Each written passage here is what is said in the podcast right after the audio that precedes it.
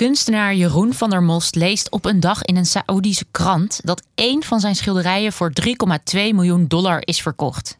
Alleen, het schilderij is niet van hem. En het geld, dat staat ook niet op zijn rekening.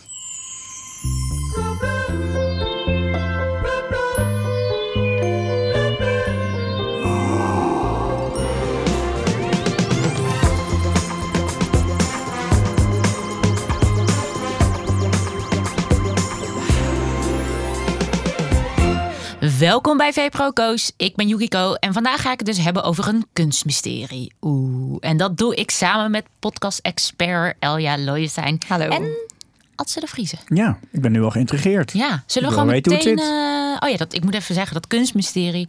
dat is dus een podcast onder naam Het Mysterie van de Dariah Star Night. Ja, Dan kun je luisteren op Podimo. En ik stel voor dat we gewoon meteen even naar de trailer gaan luisteren. oké. Ja, het is gewoon een heel bizar eh, verhaal, eh, alles bij elkaar. Dit verhaal begint met kunstenaar Jeroen van der Most. Die leest dat een schilderij van hem is verkocht voor 3,2 miljoen dollar. Alleen het werk is niet van hem. Hij heeft het niet gemaakt. Ik ken het hele schilderij niet. En ehm, nou, voor zover ik weet eh, staat er niks op mijn bankrekening. Dat weet ik eigenlijk wel heel zeker. Hoe kan dit? Mijn naam is Lex Boon. Ik ben journalist. En in deze podcastserie stort ik me in deze zaak. Oh, en dat kan verteld dat het verhaal zich afspeelt in een onafvolgbaar en gesloten land, Saoedi-Arabië. Het is een land waar vragen stellen niet zo wenselijk is. En het is niet altijd de bedoeling dat het echte verhaal naar buiten komt. Hoe, eh, hoe nu verder? Ja, dat is een hele moeilijke vraag. Daar heb ik helaas ook niet zo'n antwoord op. Hoe dat verder moet. Laat me je het verhaal vertellen. Van een raadselachtig schilderij, een uitvinder en een Saoedische prinses. Luister naar het mysterie van de Deria Star Night. Heb jij hem eh, al helemaal gebinged? eh? Hij is nog niet helemaal af. Dus Oh. ik heb maar drie afleveringen kunnen luisteren. Eh, hij is nog... eh, Hij, is nog, hij on- nu- ontrolt zich nu. ja, ze zijn nog de laatste puntjes op de i aan het zetten. Hoeveel komen er? Weet je dat al? Vijf afleveringen, ja. Maar een deel is dus eh, eh, vrij te beluisteren en een deel zit achter de betaalmuur bij Podimo. Dus Ja. dat was ook een reden dat ik dacht, ik wil ook een keertje daar een podcast van meenemen.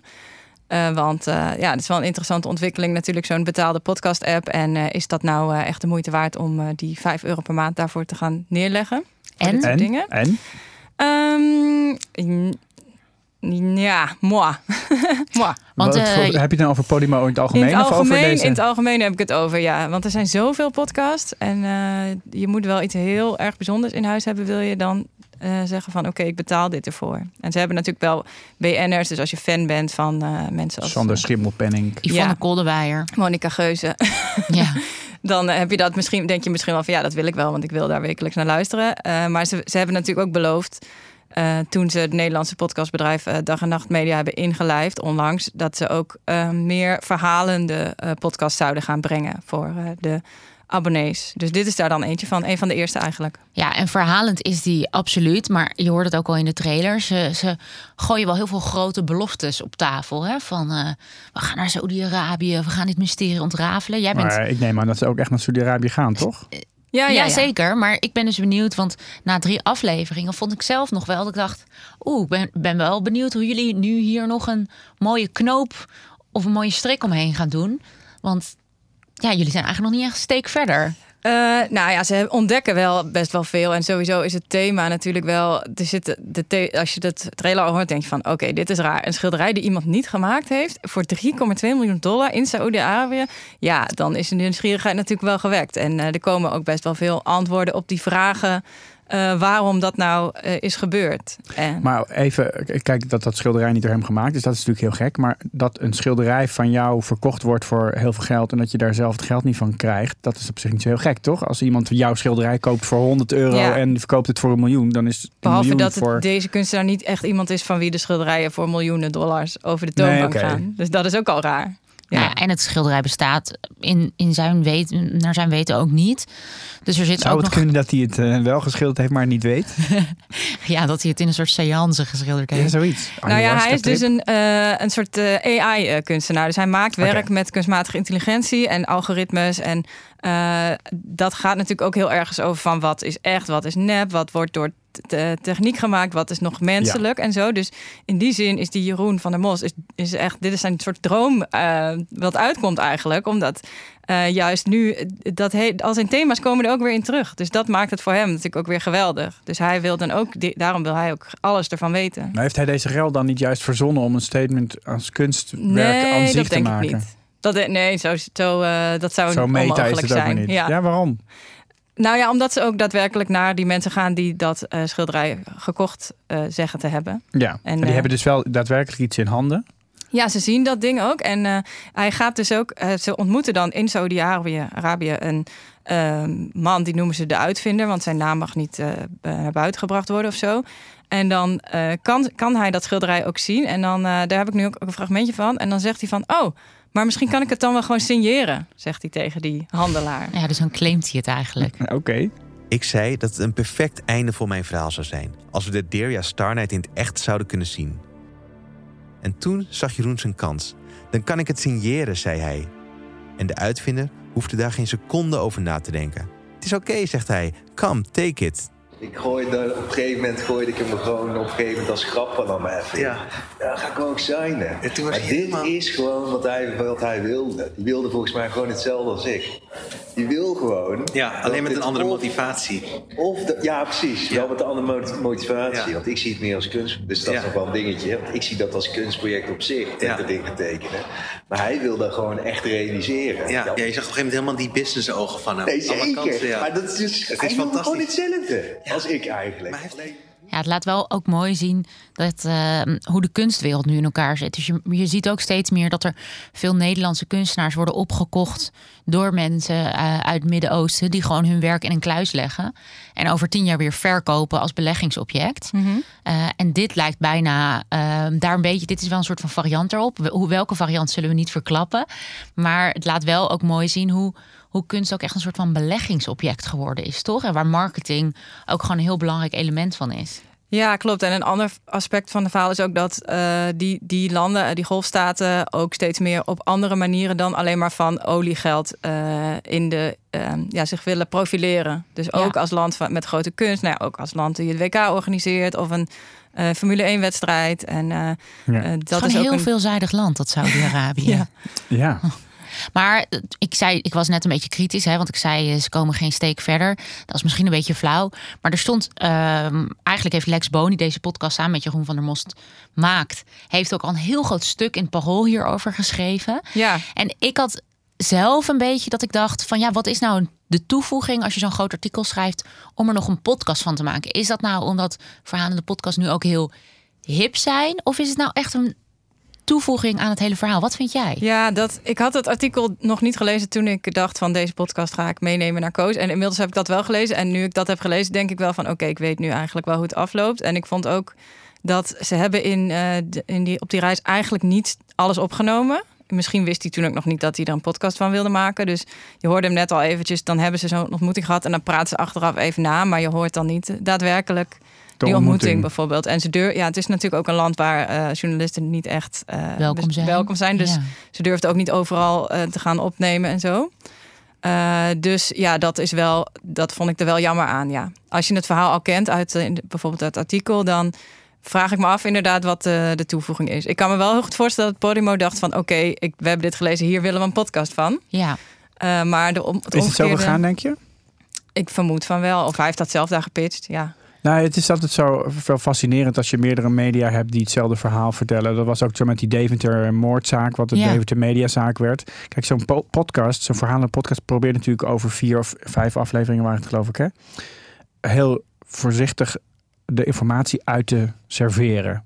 Dat, dat, dat moet gewoon met een soort spanningsboog, anders dan, eh, dat is het hele idee van die vijf afleveringen. Maar op het moment dat je het verhaal al kent, is dat vaak heel irritant. Ja en dan zit er ja. dus ook vaak veel herhaling in. Omdat je steeds de lezer er weer bij moet pakken. Ja. Ehm, om, omdat je wel steeds alle puzzelstukjes in je hoofd moet hebben. En dat, dat, is, dat is wel grappig dat je dat zegt ook over die Deventer Mediazaak. Ik, ik vind soms wel dat je, en dat heb je ook met series versus films. Sommige verhalen lenen zich heel goed voor een korte documentaire of voor een mooi artikel. En daar vond ik dit wel van dat ik denk, ja, misschien als ze heel kritisch waren geweest, had het niet gewoon een hele mooie radiodocumentaire kunnen zijn. Ja, dat het gewoon in één. eh, Ja, er zitten wel veel wendingen in het verhaal hoor. Er is echt Zeker, wel genoeg. ja. Het is echt wel een heel boeiend verhaal. Ja. Maar ja, is het vijf afleveringen nodig? Nou, misschien niet. Ja. Misschien niet. Nee.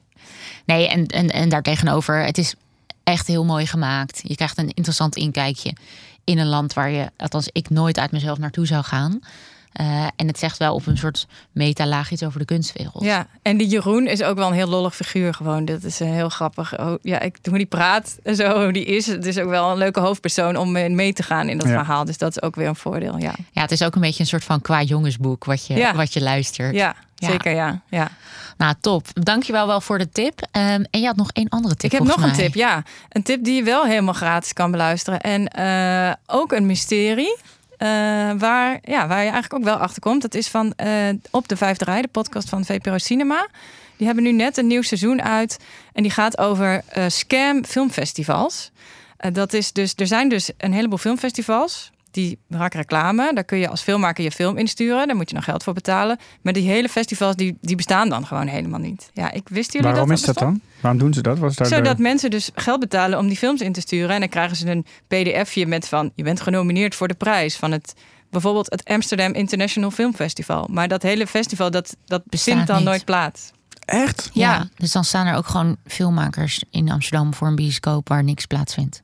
Ja, super zielig, ja. Ja. Dus als jij dan uit Portugal komt of zo... en je hebt een korte film gemaakt, weet je, je bent net begonnen... je denkt, ik ga hem gewoon overal insturen, al die filmfestivals... want zo moet je als filmmaker een beetje jezelf op de kaart zetten. Ja, Eh, en die worden dus gewoon eh, opgelicht. ik Ja. wil dit horen. Ja. Ja, dus eigenlijk altijd als je aan geld wil komen, moet je of in Saudi-Arabië gewoon een schilderij maken, Ja. of, Of in filmfestival Saudi-Arabië een filmfestival beginnen. Ja. Dat Ja. zijn eigenlijk mijn twee businessadviezen van deze podcast. daar komt Cesar Majorana komt dan dus achter je aan... als Ja. jij een nepfilmfestival Ja. begint. Dus dat eh, is wel een risico. Ja, dat moet je dan wel op de koop toenemen. Dat, eh, ga ik, het risico ga ik zeker niet lopen. nou goed, eh, het mysterie van The Raya Star Night is dus eh, terug te luisteren op Podimo. Eerste twee afleveringen op Spotify. En eh, de podcast op de vijfde rij is gewoon terug te luisteren via alle podcastkanalen. Dankjewel Elja. Graag gedaan. En dan is het nu tijd voor... De vriend van Koos. De laatste tip alweer van schrijver Jaap Robbe. Ik heb nog geen tijd gehad om zijn nieuwste boek te lezen. Het schijnt super mooi te zijn. Maar deze tip van Jaap is voor iedereen die het ook wel eens te druk heeft. TED Talk Stefan Zakmeister. The Power of Time Off. Deze TED Talk die stuur ik heel vaak door aan mensen waarvan ik denk dat ze te hard werken of eh, bijna overspannen zijn. The Power of Time Off. De Zakmeister, dat is een heel succesvolle ontwerper die elke zeven jaar een sabbatical neemt. Hij heeft bedacht dat hij niet op zijn 65ste, maar op zijn 70ste eh, met pensioen wil gaan. En daarom nu alvast eh, om de zeven jaar in zijn leven een, een jaar pensioen opneemt. En zijn studio in New York die is dan ook een jaar lang dicht, als een personeel is er niet. En als je hem dan mailt, dan krijg je een out-of-office reply met... we zijn er volgend jaar januari weer. En hij doet dat omdat hij merkte dat zijn werk op elkaar begon te lijken. Eh, hij zag dat hij eigenlijk steeds hetzelfde deed, maar dan net in een andere vorm. Ik zag dat niet. Er was een tentoonstelling over in het Museum voor Toegepaste Kunst in Parijs.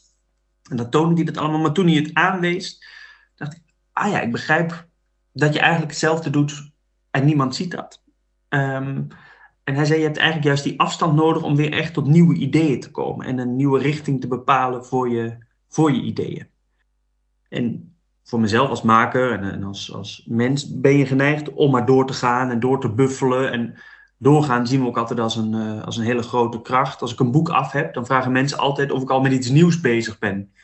En mijn antwoord is dan altijd, ja nee, nog lang niet. Zeker na een roman, dan wil ik eigenlijk een jaar lang de wereld in. Ik behoefte om op pad te gaan en om dingen te zien. Voor mijn gevoel heb ik die drie jaar dat ik aan het schrijven was, drie jaar lang de viezezelfde stinktrui aangehad. En ik heb dan eigenlijk behoefte aan uh, andere kleren. Uh, en om even niet zo geconcentreerd en gedisciplineerd te zijn. Ik hou er bijvoorbeeld van om naar dorpjes te gaan die ik niet ken. Dan kijk ik op de kaart en zoek naar het dichtstbijzijnde dorpje waar ik echt geen idee van heb wat daar is. Uh, en dan ga ik daar naartoe. Maar ook om te rommelen en te klooien en om te zien waar ik uitkom een nieuw idee voor een nieuw boek, dat dient zich ook niet zomaar aan. Dat heeft een beetje tijd nodig. Ik denk dat er eigenlijk wel iets van per dag wel honderd ideeën zijn waar je iets mee kunt. Uh, maar dat er maar eigenlijk één is waar je echt iets mee moet. En het duurt voor mij altijd een tijdje om uit te vinden welk ene idee dat dan precies is. Ja, en heer, heer voor deze tip van Jaap Robbe. De TED Talk van Stefan Sakmeister. The Power of Time Off. Ja, Adse, vorige week kreeg ik een... Of gaf ik jou eigenlijk een eh, guilty pleasure tip. Nu wil ik wel een tip van jou. Ja, die krijg je natuurlijk. Eh, ik, ik heb natuurlijk weer een leuke muziektip voor je. Heerlijk, kom maar Ja. op. Eh, er is een eh, leuk nieuw portret, een soort van driedubbel portret eigenlijk. Eh, dat heet De Nieuwe Gabbers, gemaakt door Vice. En het gaat over een aantal mensen die nu zich in de hardcore scene bewegen. Nou gaat het, als het over gabbers en hardcore gaat, heel vaak over sensatie, over drugs, over pillen en over Kale gekkigheid. En dit is eigenlijk een heel liefdevol portret, vond ik, van, van mensen die ja, in die scene beland zijn. Vaak ook een rugzakje hebben. Dat geldt voor heel veel mensen die in die scene rondlopen. Die zich dan vervolgens storten op die keiharde, meedogenloze, ongezellige muziek. En daar juist heel veel warmte in vinden. Eh, dat vond ik, eh, vond ik heel mooi. Er zit ook een eh, mooie figuur in uit die scene. Ilja Rijman. Een soort, die staat bekend een beetje als de eerste gabber. Was een gast die in Amsterdam in de jaren 90, begin jaren 90 de Multigroove feesten organiseerde. In de Elementenstraat. En daarvoor ook nog in allerlei soort van opengetrokken loodsen. Op plekken waar je eigenlijk niet mocht komen onder de A10 en eh, in tunnels en dat soort dingen. Die gast eh, heeft een wild leven gehad. Heeft eh, op een gegeven moment nou, alles zo'n beetje misgegaan met eh, drugsverslaving, et cetera. Maar hij is een ontzettend gepassioneerde, aardige, grappige vent.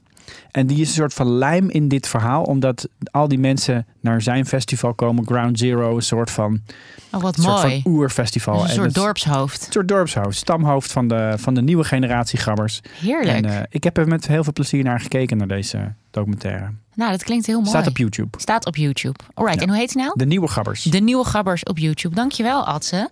Dat is een heerlijke tip. En eh, de tips van Adse en Jaap, die lees je natuurlijk rustig terug in de VPRO Koos app. En daar vind je nog veel meer leuke tips. En download hem nou eindelijk eens gewoon een keer gratis in de App Store. Of betaal die 99 cent per maand voor leuke extra's. Volgende week zijn we er weer.